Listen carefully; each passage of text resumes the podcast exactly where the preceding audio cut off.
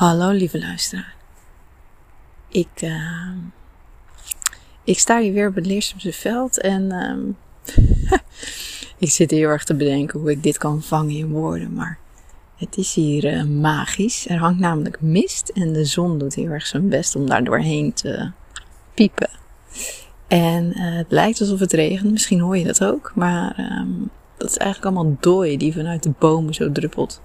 Het zijn hele grote druppels die zo ploep op de aarde vallen en soms ook op mij. Maar uh, het is magisch hier. Het gaaf dat als elementen lekker, gaan spelen, zo voelt dat dan, dat er van die magische beelden ontstaan en uh, dat ik dat mag zien, dat ik dat mag aanschouwen, opmerken. Maar goed, dat wilde ik helemaal niet tegen jullie vertellen. Er staat zometeen een uh, podcastaflevering klaar namelijk. Die je lekker mag gaan luisteren. Die, die Brit van Menswoord heeft gemaakt met haar Seeds en Soja podcast. En um, daarin interviewt ze mij. En uh, ik wilde dat ook heel graag delen via uh, deze podcast. De podcast voor psychologen. En dat vond ze een goed idee. Dus uh, dankjewel daarvoor Brit. Um, want Misschien kun je het horen, maar de laatste tijd is voor mij echt een persoonlijk thema om uh, met bevrijding bezig te zijn. Mezelf bevrijden, mijn stem bevrijden, me vrij spelen. En um, ik was uh, gisteren al wandelend de podcast zelf even aan het terugluisteren. Hoe het geworden was. En ik merkte dat ik ontroerd raakte door mezelf. ik moet een beetje lachen, want kun je dat zeggen over jezelf? Uh, maar ik hoorde dat ik, uh, dat ik me tijdens het gesprek heel vrij heb gevoeld. En dat ik heel erg in staat ben geweest om vanuit mijn hart en vanuit mijn buik te praten. En ik vind dat je dat zelf terug kunt horen. Dat die energie eromheen hangt. En dat ontroert me. Dat ontroert me, want dat is uh, het thema waar ik persoonlijk dus heel veel mee bezig ben. En um, nou ja, wat, uh, wat misschien nog wel het moeilijkste is. Um, als ik dus begin te praten. Hè? Dus als ik woorden begin te geven aan nou ja, wat ik ervaar en wat ik vind en wat ik allemaal voel. Um, dus um, ik heb daar nog een weg in te bewandelen, merk ik. En daar ben ik heel nieuwsgierig naar. Maar ik vind dus die podcastopname, nou ja, misschien kun je het zo zelf horen is voor mij even zo'n markering in de tijd, hè, waarvan ik nu zo terughoor van wauw, dat was een moment dat ik even echt vrij, vrij bewogen, vrij sprak. Dus dat ontroert me. En uh, nou ja, misschien is het ook een thema wat in jouw leven speelt, bevrijding of je vrij spelen. En zo niet is het misschien interessant om je af te vragen van hoe verhoud ik me tot en met dat thema? Doet dat ook iets voor mij? Of Waar ben ik op het spectrum van zelfbevrijding? Of is er iets waardoor ik me gevangen blijf voelen? Nou misschien een mooie mijmering om mee te nemen. Uh, Brit, ja, die heeft haar eigen podcast. Dus ze heeft dat helemaal mooi geëdit met een introotje. Daar ga ik niks aan veranderen. Ik ga dat helemaal puur zo met je delen. En, um, maar het is echt een aanrader. Volg Brit. Zij is een oud studiegenootje van mij. Nou, dat, wordt, dat wordt ook in het gesprek even aangehaald. En uh, het is mooi dat uh, op verschillende momenten in, in je leven mensen weer zo je pad kunnen kruisen. En uh, dat je zo los van elkaar een bepaalde ontwikkeling hebt meegemaakt. Brit en ik los van elkaar dus een ontwikkeling hebt meegemaakt. En dan op dit punt, zo heel aantal jaar na onze studietijd, dat uh, we elkaar kruisen in die ontwikkeling, in die groei. En um, op een ander level weer connecten. Heel waardevol. Um, wat ik daarover wil zeggen is, volg haar podcast. Zij heeft echt een prachtige visie. En um, volgens mij is het heel interessant om haar eens te volgen. Dus dat is een tip. Hey, voor nu veel luisterplezier. En uh, mocht je daar iets over willen delen, um, ja, weet me dan te vinden. Ik zal in de show notes even de contactgegevens zetten, ook die van Brit. Maar voor nu uh, heel veel luisterplezier. Hoi hoi.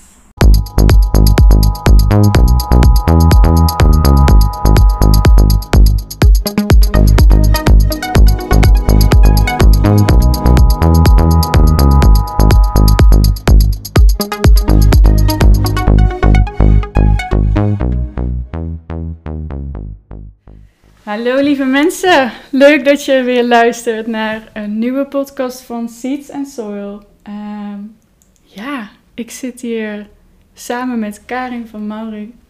Wij hebben net al even zitten bijkletsen eigenlijk over eh, wat er allemaal is gebeurd. Want Karin en ik die kennen elkaar eh, al ietsje langer. We hebben samen gestudeerd Ja. in Tilburg. Nou, Eh, lang geleden. Lang geleden, maar dat is in ieder geval waar wij elkaar van kennen. Mhm. verschillende paden opgegaan. ehm, maar toch links en rechts kom je elkaar weer, kruisen die paden weer. Ja, precies. Ja, Ja, dus welkom Karin. ja leuk. leuk. Ja, wil jij iets eh, ja, vertellen over jezelf, wie je bent, wat je doet? Ja, wie ik ben. Wie ik ben, dat is natuurlijk wel een lastige vraag. En mijn eh, perspectief op wie ik ben wijzigt zo nu en dan, merk ik. Zeker de laatste tijd. Maar als ik, wat, wat wel een constante is, is ehm, dat ik heel erg ontdekt heb wat mijn talent is, wat ik te brengen heb. Wat mijn waarde is. En ik denk dat dat veel zegt over wie ik ben. En dat is dus een vrij constant gegeven, zeg maar. En ik heb dat zelf gevangen in het woord eh, buitenspeler. Dus als je nu vraagt, vertel eens, wie ben jij? dan, zou ik, dan, dan antwoord ik met, ik ben een buitenspeler. In, in alle openheid wat het dan in zich heeft. Want het is een woord wat op mijn pad is gekomen. En een woord wat ik nog een beetje... Weet je wel, ik heb dan denk ik nog niet alle... Nog niet heel het spectrum van het woord ontdekt. Mhm. En dat vind ik ook leuk, want daar zit dus, eh, ja, weet je wel, daar, daar zit nog een schat van waarde die ik kan uitpakken en, en groeimogelijkheden. En... Maar wat mij wel heel erg typeert is dat ik een mens ben dat graag heel, ja, ik ben heel graag buiten. En eh, eigenlijk meer, liever meer buiten dan binnen, Eh, fysiek gezien. Mhm. En eh, nu ik dit zo zeg, merk ik ook dat ik als, als, als focus, zeg maar, ook wel heel fijn vind om juist binnen te zijn, zeg maar in mezelf. Mhm. Maar waar ik goed gedij en wat voor omgeving, dat is buiten. Dus de natuur, de outdoor, zeg maar. Mhm. Maar ik vind het heel fijn om bij mezelf te zijn. Eh, lang niet altijd natuurlijk. Maar ook, eh, ja, weet je wel, dat, eh, ik vind het gewoon heel leuk. En, en daar word ik heel enthousiast van als ik weer iets nieuws ontdek aan mezelf. Op een speelse manier. Dus daar komt dat spelen dan weer voorbij. Weet je wel? Gewoon zoals het moment het, het brengt. Zo Precies. probeer ik dat dan te ontvangen. Alhoewel mijn hoofd natuurlijk dan wel daar van alles van vindt. Maar goed, dat is het groeiproces. Om een beetje uit mijn hoofd te komen. Dus eh, ja, dat is wat ik. Dat is een beetje wie ik ben en wat ik doe. Is, eh, ik, ik doe dus veel buiten. En, me- en met wat ik daar doe, zijn de mensen die met mij mee willen reizen een stukje. En dan voornamelijk eh vakgenoten. Ik ben opgeleid als psycholoog. Nou ja, hè, daar hebben we, op dat pad hebben we elkaar een stukje gekruist. En ehm, ik merk dat ik het heel interessant vind om met vakgenoten, medepsychologen of zorgverleners een stukje mee te wandelen. En misschien is het wel andersom dat ze een stukje met mij meewandelen. In mijn natuur, in mijn gebied. En ehm, ja, dan deel, ik, dan deel ik wat ik zie, observeer, merk aan hen. Om, om zo eh, dingen aan te raken waardoor zij weer groeien. Kun je daar een voorbeeld van geven? Want het klinkt denk ik nog een beetje, het is nog een beetje abstract. Ja, tuurlijk. Ja. Ja. ja, heel abstract. Mhm. Nou, ik heb vanochtend dus bijvoorbeeld een klantafspraak gehad. En ehm, zij vertelde over iets van afgelopen weken waar ze, nou ja, waar ze een beetje mee worstelde. En de neiging is om dan heel erg te luisteren naar wat ze vertelt. En dat is natuurlijk ook de bedoeling. Ik bedoel, ze vertelt het niet voor niks. Ehm, maar ik merk dat, dat ik, eh, daar ben ik groeiende in, steeds meer ook gaan zien op wat voor manier vertelt ze dat aan mij. En, en wat er letterlijk gebeurde is dat zij, toen ze ging vertellen over wat ze zo spannend vond, ging ze stilstaan in eerste instantie. Dus dan volg ik daarin, dan ga ik met haar stilstaan. En, eh, maar zodra ze meer naar die spanning toe ging, deed ze letterlijk een stap achteruit.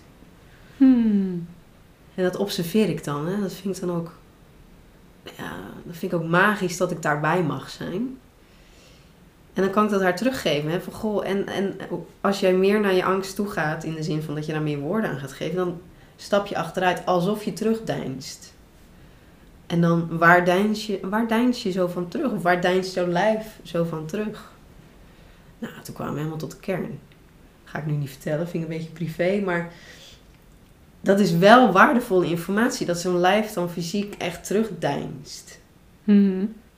En eh, dan, kom je, dan, dan kom je bij andere stukken dan wanneer we blijven praten over ik, ik ben zo bang voor, weet je wel? Of ik vind dit zo spannend, of dat is mijn angst. Ehm, dus wat ik daarin heel gaaf vind, is dat dat lijf vertelt zoveel. Eigenlijk alles. Mhm. En eh, ik, eh, ik mag dat zien. Ja, Gaaf. ja, En het zegt denk ik ook heel veel over ehm, de weg die je zelf hebt afgelegd. nou, Inderdaad, als psycholoog, ik, ik ken het natuurlijk.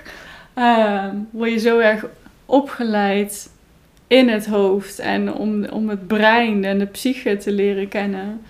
Ehm, en uiteindelijk, noem het maar, ben je afgedaald naar het lichaam. Om gewoon ook te zien van, hé, hey, van wat voor eh, boodschappen schuilen er eigenlijk daar. En eh, ja. wat kunnen we daarmee? En ook de natuur dus. Ja, nou ja, ja dat, dat werkt op elkaar in. Kijk, ik geloof toch wel dat de mens van nature zich gewoon heel fijn voelt in de natuur. Zeker een lijf, een lichaam. We zijn natuurlijk, we zijn gewoon onderdeel van de natuur. Ehm, dus ik geloof er wel in dat als, als, als, als iemand buiten is, in ieder geval als ik dus buiten ben met iemand die, die ik mag begeleiden, dat de natuur helpt om het lijf dus, eh, eh, ja, om het lijf van nature zich te laten uiten, als het ware. Dus ik denk dat het helpt om je om expressie te geven aan wat er in je leeft. En daar doet de natuur wel echt iets in.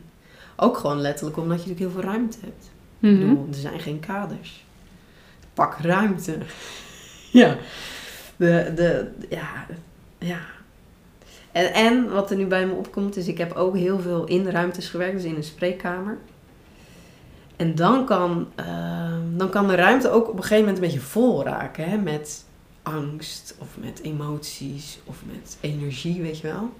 En dan kun je bijna, ik weet niet of je dat herkent, maar dan kun je bijna zo een beetje zo'n drukkende, dan is het vol en dan gaat het drukken.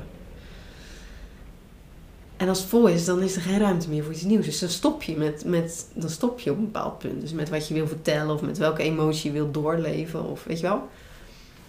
En eh, ja, buiten, is het, buiten kan alle kanten op. Ja. Het kan de lucht in, het kan de aarde in, weet je wel. Het kan in ieder geval, er is alle, het is niet zo snel vol. Het is eigenlijk nooit vol. Nee. Dus er is altijd ruimte voor wat ruimte heeft te krijgen.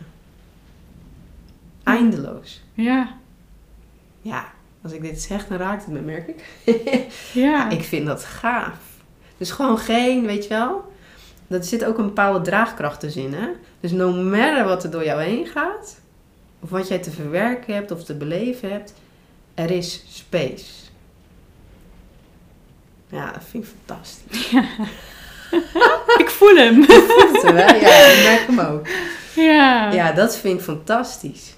Ja. En dan ook het idee hebben van, eh, ik hoor dat mensen ook zeggen, dat is ook mijn eigen ervaring. Eh, dus je draagt het niet allemaal in je huppie, weet je wel. Hmm. Het is niet allemaal op jouw schouders. Nee, je kunt het ook laten dragen door, nou ja, op zijn minst door de natuur. Ja. Ja, super mooi. Ja, Super mooi. ja.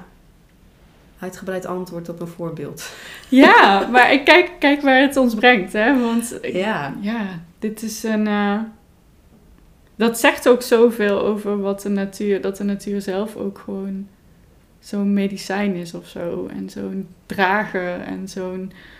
Ja, en dus ook het lichaam. Want het lichaam vertelt zoveel meer dan, dan we vaak doorhebben. En, eh, ehm, en op het moment dat je daar bewust van wordt, dan kom je ook weer uit je hoofd. En dan ga je misschien ook weer patronen herkennen. precies. En dingen te kunnen doorbreken daarmee. Ja, Ja. Maar dat, dat is een hele, het is een hele eind weg, noem ik het maar. Dus van een typische behandelkamer. Ja. En eh, ik, ja, ik heb natuurlijk wel links en rechts een beetje gevolgd. Ehm, jij hebt, voordat jij die onderneming voor psychologen had, heette je Find and Follow. En Ja, natuurlijk eigenlijk over het vinden en volgen van je, ja, van je eigen pad. precies. Dus dat is ook wel een interessante daarin. Zo van, hoe heb jij dus dit pad dan gevonden om weg van eh, het standaard plaatje van dit is psycholoog en dit is het rijtje. En als jij je diploma haalt, dan ga je dit en dit en dit doen om eh, een succesvolle ambities na te jagen in de psychologie. eh. Maar om daaruit te breken en je eigen pad te, te vinden, volgen. Hoe is dat gegaan?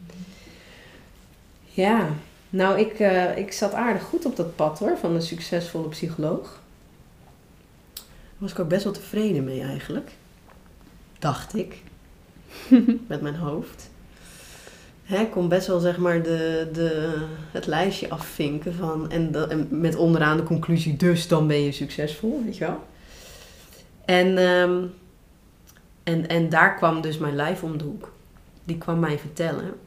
Karin, het is nu tijd om stil te gaan staan. Ik kwam dat vertellen in de vorm van een burn-out. En ehm, met daar, dat weet ik nu achteraf, met daarin de uitnodiging, ga nou eens voelen wat jij wil. En ehm, met dat ik stil werd gezet door mijn eigen lijf, wat heel veel verdriet opriep en heel veel gevoel van falen en heel veel gevoel van ongeschikt zijn. Eigenlijk het tegenovergestelde van succesvol zijn. Ehm, bracht het me ook, en heeft nog niet eens heel lang geduurd, bracht het me ook inderdaad zo van, oh wacht eens even, een soort van adempauze. Hè? Als ik nou eens op adem kom en mijn eigen ademhaling ga volgen, of mijn eigen tempo en mijn eigen ritme. Ehm, wat zou ik dan willen? En ik ben heel goed in wat ik wil omzetten in iets concreets. dus dat, daar volgt al snel een pad uit. In de zin van, oh ja, ik zou eigenlijk veel meer buiten willen zijn. Ik zit in een kantoor. Ik had nooit bedacht dat ik als psycholoog eigenlijk een kantoorbaan zou Hmm. krijgen. Maar ik, opeens was ik in een kantoor beland, weet je wel? Wat ook een spreekkamer was, maar het was wel een soort kantoorgebouw. Ik dacht, hé, Ja. hoe dan? Hoe dan? Ik doe nog iets in de gezondheidszorg, weet je wel? ja, het allemaal in die, in die saaie gebouwen hier. Ja, dus dat was al een soort van, hoe ben ik hier beland? En het besef, ja, maar ik ben, dit is helemaal niet mijn habitat. Dit is helemaal niet mijn habitat. Ehm, ik heb hierin beter voor mezelf te zorgen. Want op deze manier geef ik heel veel weg. Of geef ik heel veel. Ik zeg niet voor niks weg, want zo voelde het ook. Ik geef iets weg wat, wat ik misschien niet weg kan geven. Zo voelde het toen. Dus ik geef veel, eh, maar ik ontvang er weinig voor terug. Te weinig. En ehm, ja, daar is mijn pad uit ontstaan. Zo van, wat heb ik nodig? Wat mag ik ontvangen? Zodat ik kan geven. Dus dat, ik ging andersom denken. Wat heb ik nodig, zodat ik kan geven? Want ik heb veel te geven. Op een gegeven moment begon ik dat rustig aan weer te geloven. ja. Je Mooi. kent het, hè, dat Ja. proces. ja. Ehm, maar wa- wa- wat, ja, wat heb ja, dus eigenlijk de voedingsbodem, hè? Wel, wat heb ik nodig? En waar mag ik me dus ook voor openstellen om te ontvangen? Dat is natuurlijk ook een tweede, hè? Kun je het ontvangen? En zodat ik genoeg voeding in mij heb, gevoed word, om te geven. Ja. Ja, en dan kwam ik al snel uit op, Karin, je bent gewoon een natuurmens, dus je, jij hebt naar buiten te gaan letterlijk uit de spreekkamer, ook, maar ook letterlijk eigenlijk zonder kaders. De ruimte in, de speelruimte in. En Dus eigenlijk even terugkoppelend, hè? je bent meer, je bent naar jezelf gaan luisteren. Ja. En eigenlijk ook dus wat jou, even koppelend aan Seeds and Soul, hè, wat jouw zaadje nodig heeft om in zijn kracht te kunnen staan. Dus om te geven en te groeien. En dus ben jij gaan luisteren naar, oké, die bodem, die, die, die, die soil heb ik nodig. ja, En als ik dat heb, ja, dan kan ik eindeloos blijven groeien en geven. En Ja. doen. En ja, Dan heb ik vruchten om te geven. yes. Ja, precies. En, maar nu klinkt die op zich wel makkelijk. Niemand zegt dat het makkelijk is. Maar ehm, je wil niet weten hoeveel ik gestruggeld heb over. Maar mag ik dat dan, mag ik dat dan verlangen? Mag ik verlangen naar een voedingsbodem die mij helpt? Mag ik dat vragen van deze wereld, van deze maatschappij, van mijn gezin, van andere mensen en van mezelf? Ben, weet je wel? Wie ben ik? Wie ben ik eigenlijk? Dat ik dat mag, dat ik dat mag ontvangen. Ook over jezelf goed genoeg voelen. Waarde, ja, de waarde daarin zien. Ja, ja, en ook, ja, precies. En ook waarom jij wel en andere mensen dan niet, weet je Mm. wel? Dus daar, mijn hoofd ging er echt van op tilt. En ook een soort van scheidingslijn aanbrengen. Een soort van goed-fout construct werd er toen ook nog aangekoppeld, weet je wel? En een, en een meetlat. En ook, ik had natuurlijk wel een groot vergelijk. Er zijn, er zijn plenty veel psychologen die het wel gewoon in een spreekkamer doen. Gewoon op de manier waarop ik het ook deed. Ik bedoel, het is niet voor niks dat ik zo werkte. Want dat is wat heel veel psychologen doen. Zo ben Mhm. ik ook opgeleid. Daar zal toch een bedoeling achter zitten. Snap je? Dat is toch niet voor niks. En wat maakt dan dat ik dat anders wil? Mag, mag ik dat anders willen? Ja, dat is wel een, eh, een bumpy road geweest. Hmm. Maar ook onderdeel van mijn pad. Want met dat ik die struggles elke keer tegenkwam op mijn pad, werd ik elke keer dus weer opnieuw voor de keuze gesteld. Op een bepaalde manier van, kies ik nou echt voor mijn pad? Of zo'n beetje, weet je wel. En ga ik dan stiekem toch weer terug? Dus werd elke keer werd ik weer opnieuw eh, uitgenodigd eigenlijk om te kiezen voor mijn pad en voor mijzelf en voor wat ik nodig heb. En te blijven geloven in, als ik, als ik, als ik dat ont- kan ontvangen, dan heb ik te geven wat ik te geven heb. Ja, Want ik zit al meteen in mijn hoofd ook te denken, hoe weet je dat je op je pad bent? ja precies. Hoe weet je dat eigenlijk? Ja, hoe merk je dat dan? Nou, ondertussen heb ik natuurlijk wat eh, ervaring opgedaan.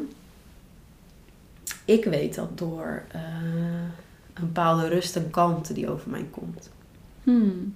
En ik denk dat mensen dat ook kunnen merken aan mij. Ik krijg het wel eens terug namelijk.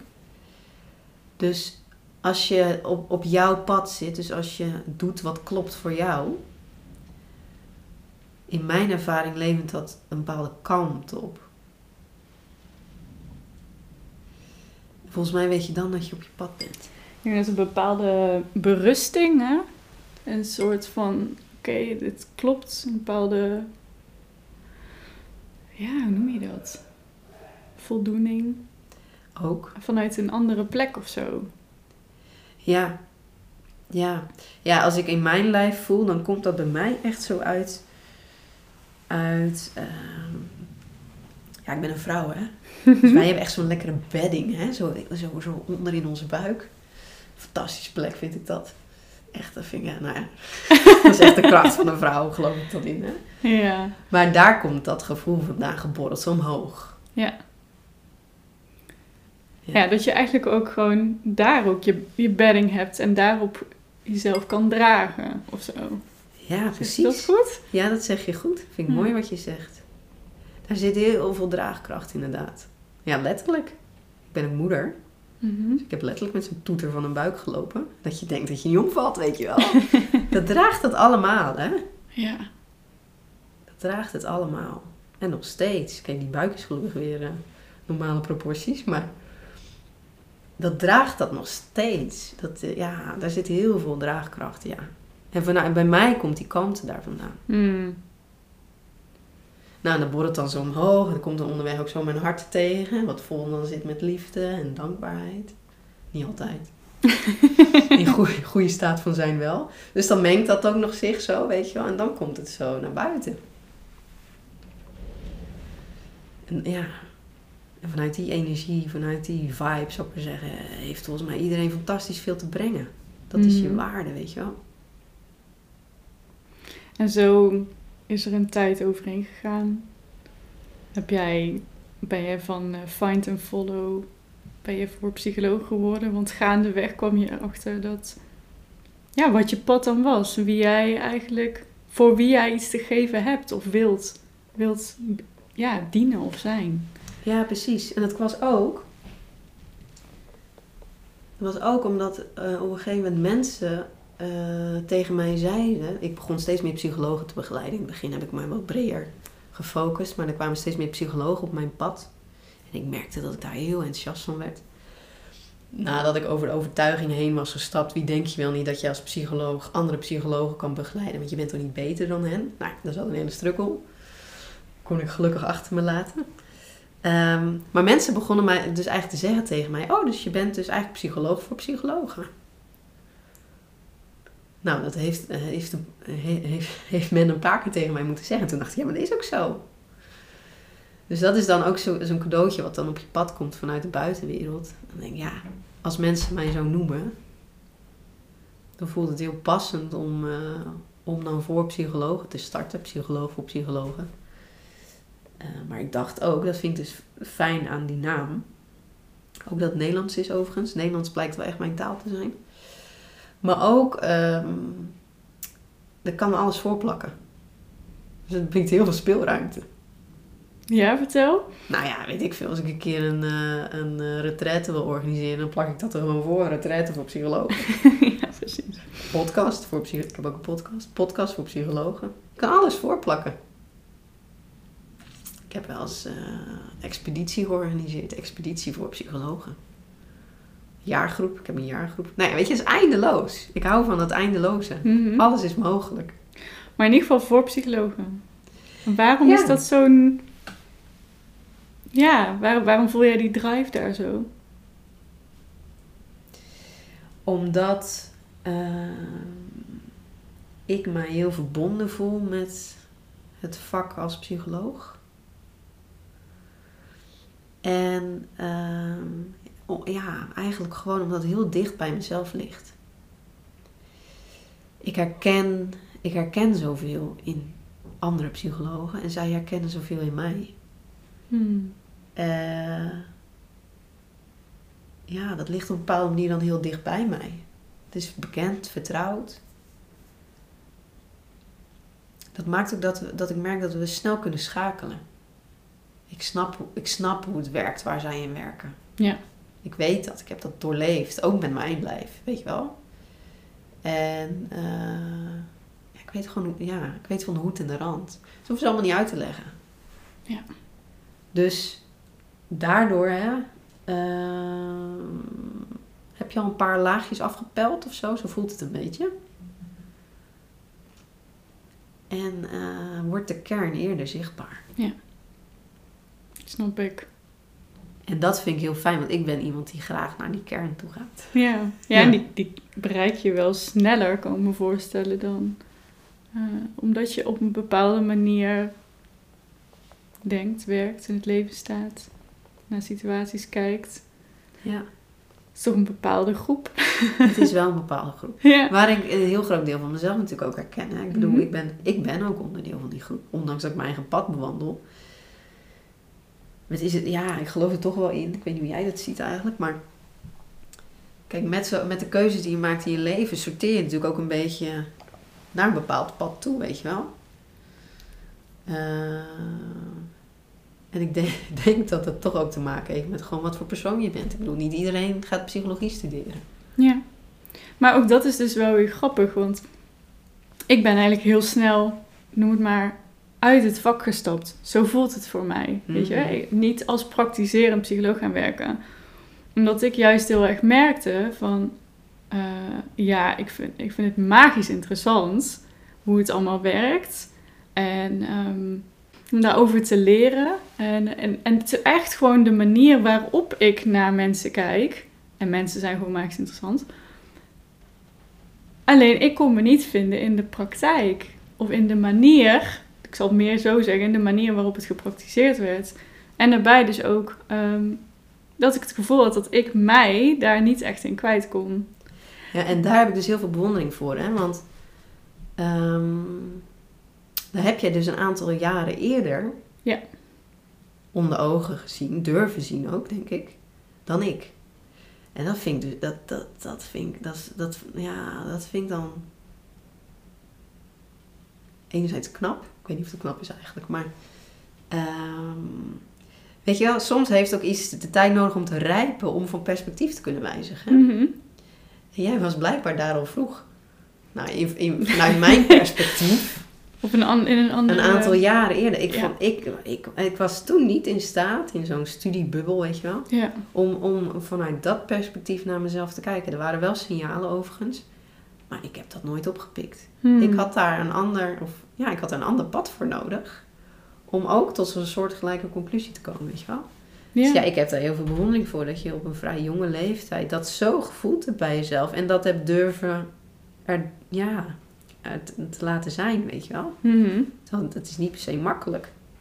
Nee, nee, dat is zeker niet makkelijk. Maar dat is misschien ook wel waar dat over... Je, gaat vragen stellen aan jezelf. En van wat Ja. heb jij nodig? Wat vind jij nou boeiend? Ehm, ehm, waar ga je nou echt op aan? En dat is misschien dan inderdaad anders dan waar jij al die jaren voor opgeleid bent of waar je al die jaren in gewerkt hebt. Eh, en dat is best wel spannend om dat, eh, om dat ook aan te gaan. Het, is, het komt met zoveel onbekends en niet weten. En ja, Precies. En ook het anders doen dan de meerderheid. Ja. Dat is spannend hoor. Iets anders doen dan de meerderheid. Ja.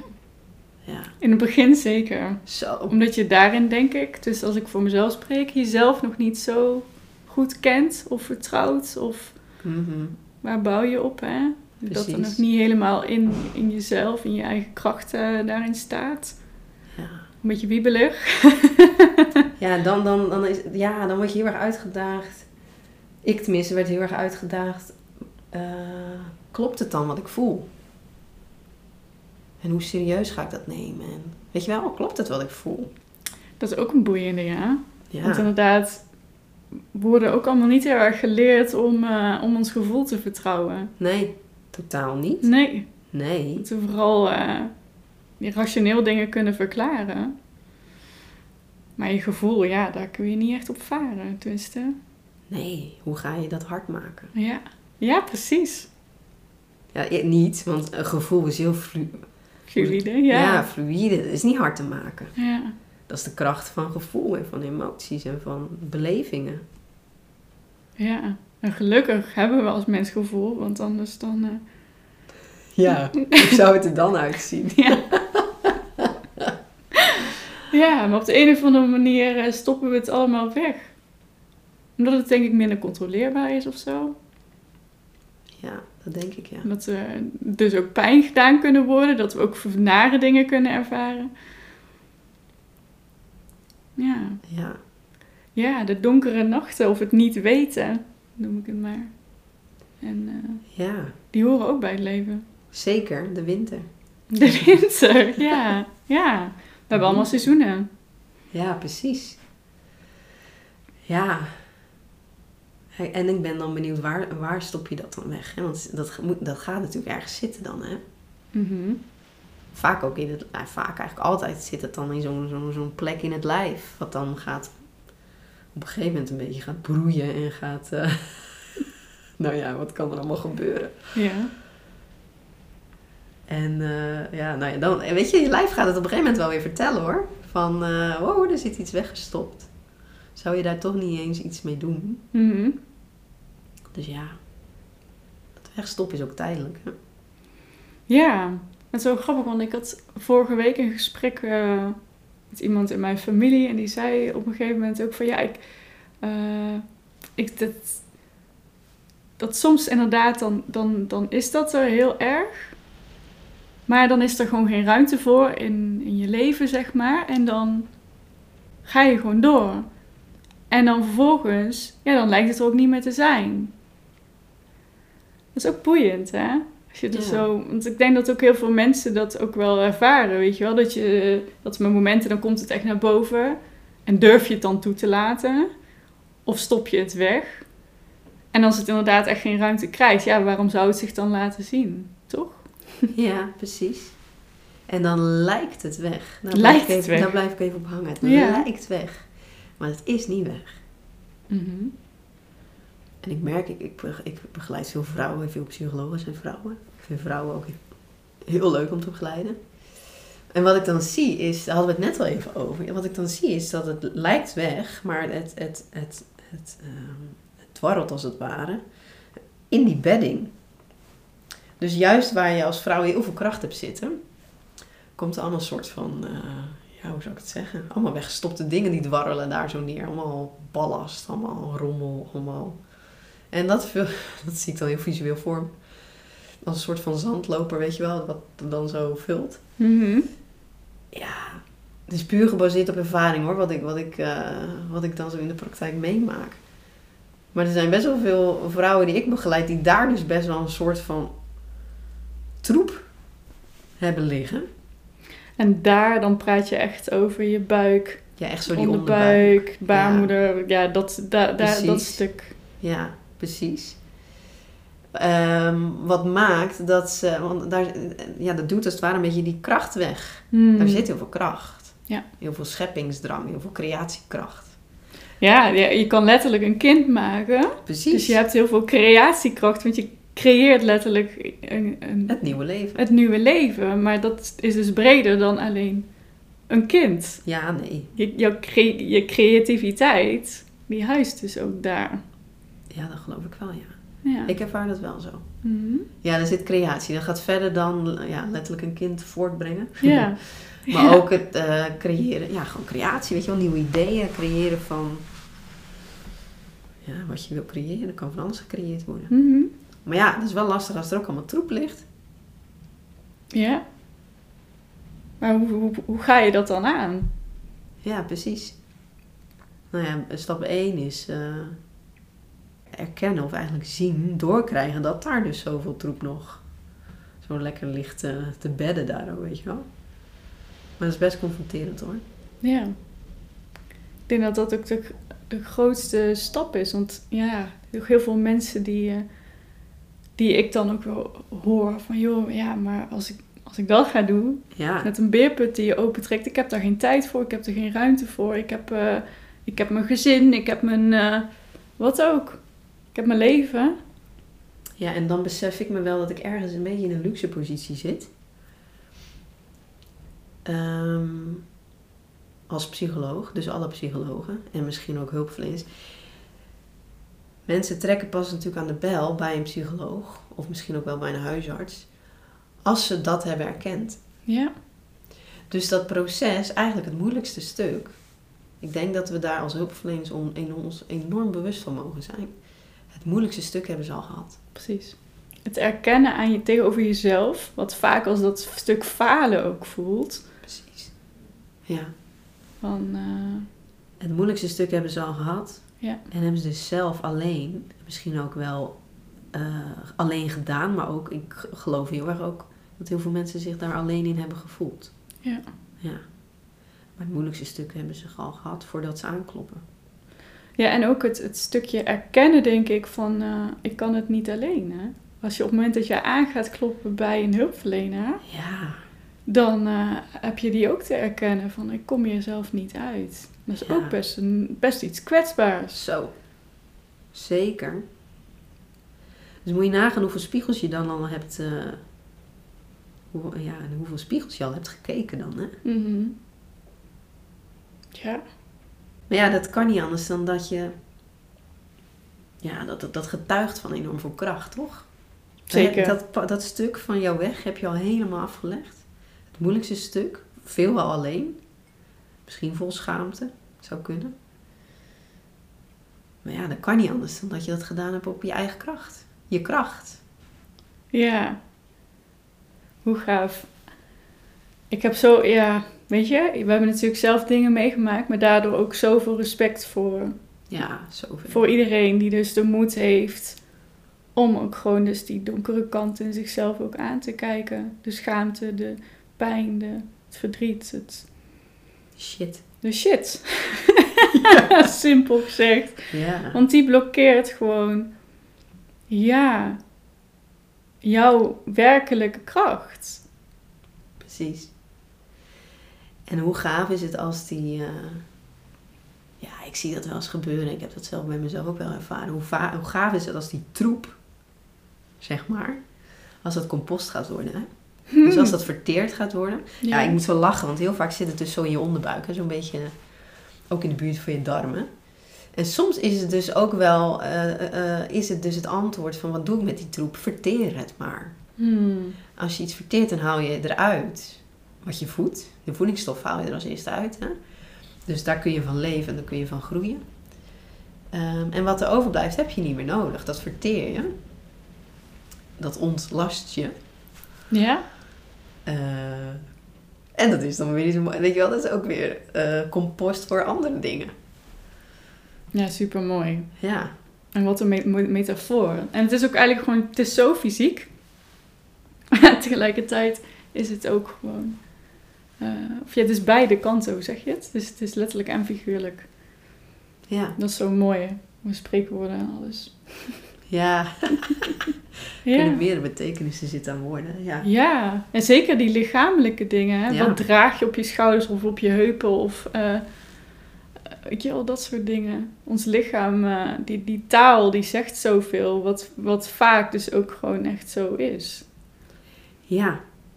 ja. Ja, ik zou echt willen meegeven aan mensen die dit luisteren. Je luistert hier niet voor niks naar, denk ik.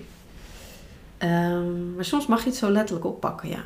Of soms, neem het maar eens zo letterlijk op. Goh, het voelt alsof ik enorm, weet je wel, het voelt als een last op je schouders. Dan heb je een last op je schouders. Het voelt als een steen in mijn maag. Dan ligt er een steen op je maag. Wat is die steen, weet je wel? Ja, Zo letterlijk, echt waar, zo letterlijk mag je dat. Is het de bedoeling, geloof ik zelfs, dat je hem oppakt? ja. Ja, Want inderdaad die vraag om te stellen van, eh, wat, is die, wat is die steen? En om dat dus ook aan te kijken. En wat, wat je daar ook dan mee kan doen. ja precies. Ja, Dat is interessant. Wat Ja. ik met die steen? Wat kan ik met die steen? of zo'n brok in zijn keel, hè? Mm-mm. Heel herkenbaar veel mensen, denk ik. Ik voel een brok in mijn keel. ja. Wat is die brok? Ga je hem wegslikken? Of...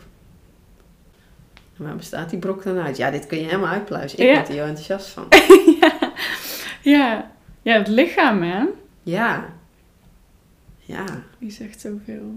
zegt zoveel. En dat lichaam, ja, nou, ja, daar hebben we het net over. En dat kan scheppen, dat kan creëren, dat kan, dat kan alles eigenlijk, hè? Alles. En dan, jij als buitenspeler zet het lichaam dus ook in. En dus de natuur. Want daar zitten beide elementen denk ik ook in. Ja. Hoe, ehm, ja, hoe ziet dat eruit? Kun je daar iets meer over, over zeggen? Gewoon hoe jij... Want ik, ik zie lang, links en rechts wel eens een keer een post voorbij komen. Hè? Dan vertel je eigenlijk een korte anekdote over iets wat er gebeurt. Ja. Wat ik altijd heel mooi en inspirerend vind. Omdat het inderdaad altijd zo letterlijk en, zo, en figuurlijk tegelijk is. Mhm. Het lichaam en die natuur. Heb jij daar, ja, een voorbeeld van? Misschien van de natuur deze, want het lichaam heb je eerder op iets over Ja, precies. Mhm. Ehm, ja, de natuur geeft heel veel voorbeelden. Nou, wat, wat, wat magisch is, wat wel eens gebeurt, steeds vaker overigens. De natuur wil nog wel eens een diertje op je pad sturen of zo, hè? Ondertussen ervaar ik dat zo. Je kunt ook denken, oh, ik zie toevallig een vogel. Kan ook. Maar als je...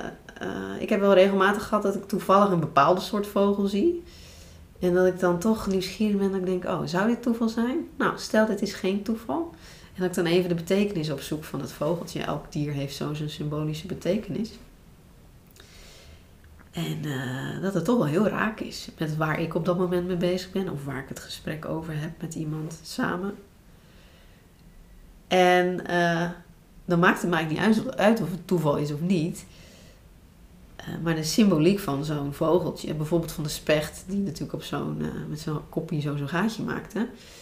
De symboliek van de specht is bijvoorbeeld de vraag: eh, wat klopt er aan jouw deur? Hm. Ondertussen weet ik dat. En vaak is het heel interessant om die vraag te stellen. Dus of het nou toeval was of niet dat die specht daar toevallig lekker bezig was, die vraag die brengt wel iets. Hmm. Ja, dat is natuur, vind ik. Ja. Ik heb ook best wel vaak, best wel vaak als iemand iets vertelt, dat opeens of juist een wolk voor de zon komt. ja, dat is iets, iets zwaars, een Mhm. zwaarder thema. Dan wil het best wel eens eh, de zon weggaan, zeg maar.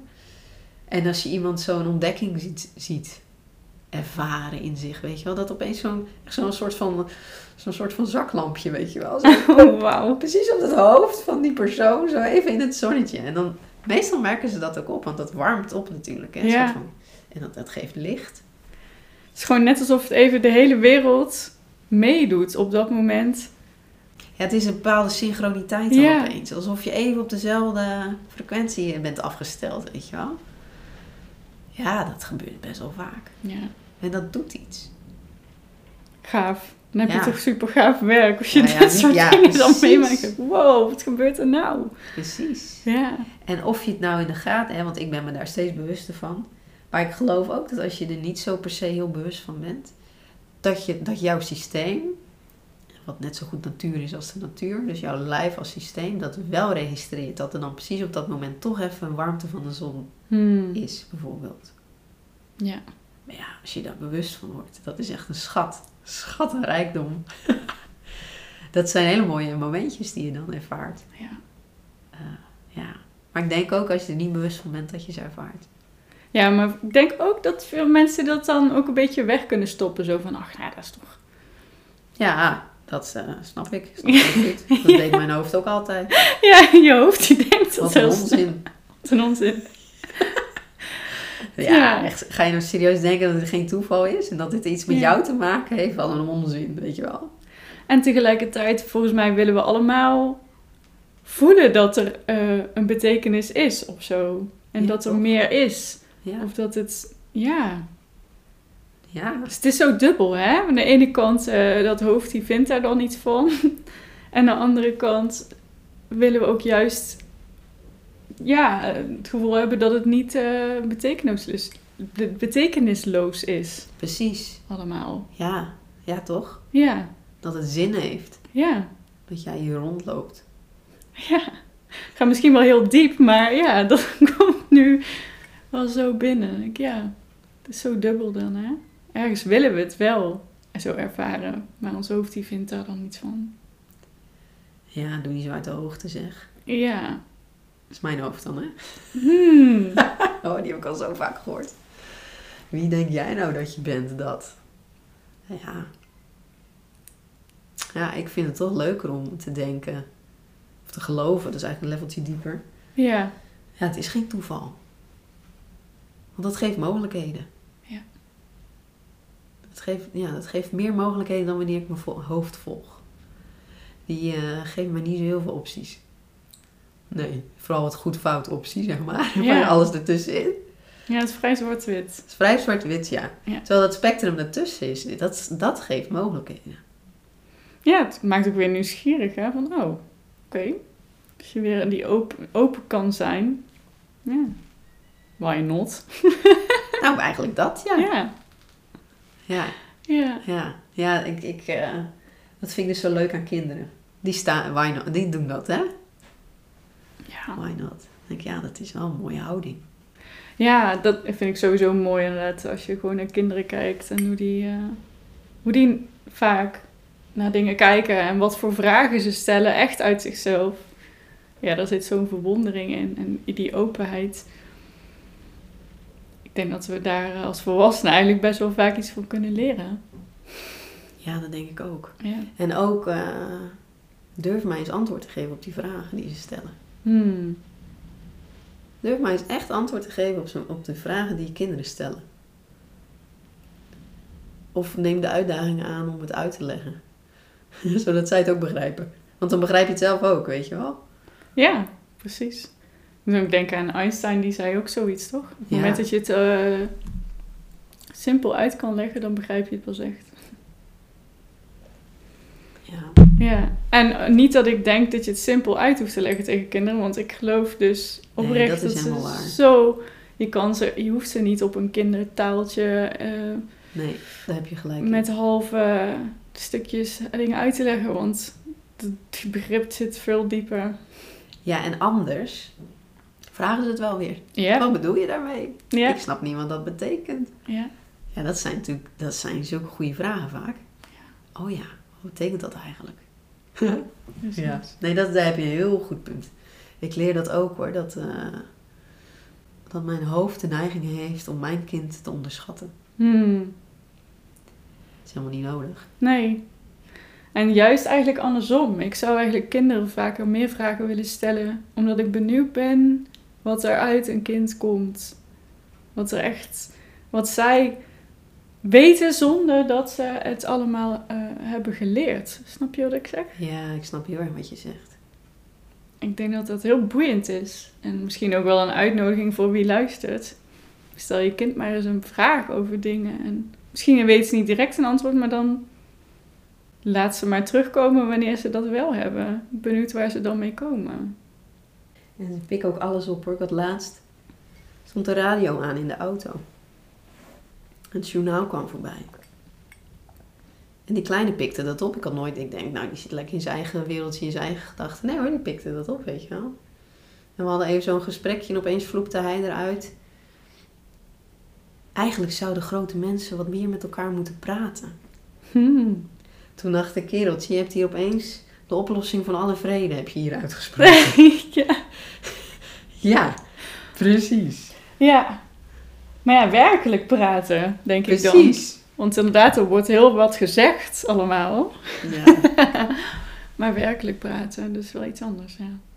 Maar dan, ja, dat gaat mijn begripsniveau bijna te boven. Ik denk, jij sn- jij snapt het wel, ja. Mhm. Inderdaad, vanuit die, eh, ja, innerlijke wijsheid is dat dan, hè? Precies. En dat vind ik dus zo mooi. Dat wordt vaak zo erg onderschat. Kinderen worden onderschat. Ja, ja, En ik denk dat ze soms best wel eens de rollen om mogen draaien. En zien wat er inderdaad vanuit een innerlijke wijsheid uit ze komt. Waar zij misschien soms dichterbij staan dan volwassenen die ook met in hun hoofd heel veel eh, zitten te denken en te doen. Ja. ja, precies. En dan is het aan ons om hen te voeden. Ja. ja, dat is onze taak. Ja, dat voel ik wel, ja. Ja. Ja. Eigen- Krijg er kippenvel van. Ja, ja, te faciliteren eigenlijk, hè? ja, precies. Ja. Dat vind ik een mooie taak. Mooi. ja. Oh. Dus ehm, ik denk dat we dat ik nog één vraag aan je ga stellen. Ja, Want ja, we zitten bij Seeds and Soil. precies. Wat, ehm, welk zaadje zou jij willen planten vandaag? Oh, wauw. Die laat ik even binnenkomen. Nou, ik voel dat ik net een zaadje geplant heb, wa- waar we het net over hadden. Die kwam bij mij binnen en ik voel, oh ja, het is aan, het is aan mij als ouder, voor mijn eigen kind. Maar ik denk dat ik het breder mag trekken. Eh, het is aan mij om de nieuwe generatie te voeden. Dat is mijn taak. Hmm. Dat is even een nieuw besef zo. En dan ga ik hier nog even, nou ja, dat, dat zaadje mag dus groeien. Ik ga even, dit mag even borrelen van, en wat betekent dat dan? Wat is dan voeding en welke, welke voeding heb ik te bieden? Ja. Ik hoef natuurlijk niet alle voeding aan te dragen, dat lijkt me een onmogelijke taak. Ja, maar je, het is ook verschillende dingen. Kijk, als je ziet van oké, je hebt een vruchtbare bodem, hè, Hmm. zodat een zaadje kan groeien. Maar ja, er is ook zon en er is regen Precies. en er is... Soms heb je even wind of heb je wat dan ook nodig om, om die groei ook weer te bestendigen. Dus inderdaad, wat is dan... Welke voeding ben jij? Ja, waar zij dus wortel in schieten, hè? Ja. Ben ik dan een, eh, ja, ben ik die voedingsbodem waar worteltjes goed in gedijen? Ja. Ja, die neem ik mee. Dat zaadje ga ik planten. Dat plant ik bij wij en nu, zeg maar. Het is nu geplant. Mooi. Ja, en wie weet ook een eh, zaadje voor jou als luisteraar om eens over na te denken. Ja. En dan ben ik heel benieuwd wat eh, over een poosje geoogst mag worden. Oh, dat zou gaaf zijn. Super mooi. Ja. Dankjewel, Karin. Alsjeblieft. En jij bedankt voor deze ruimte. ja, ja. Er was veel ruimte en ik, eh, ja, ik vond het een mooi gesprek. Ja, ik ook. Dankjewel. Dankjewel voor het luisteren allemaal. Doei doei.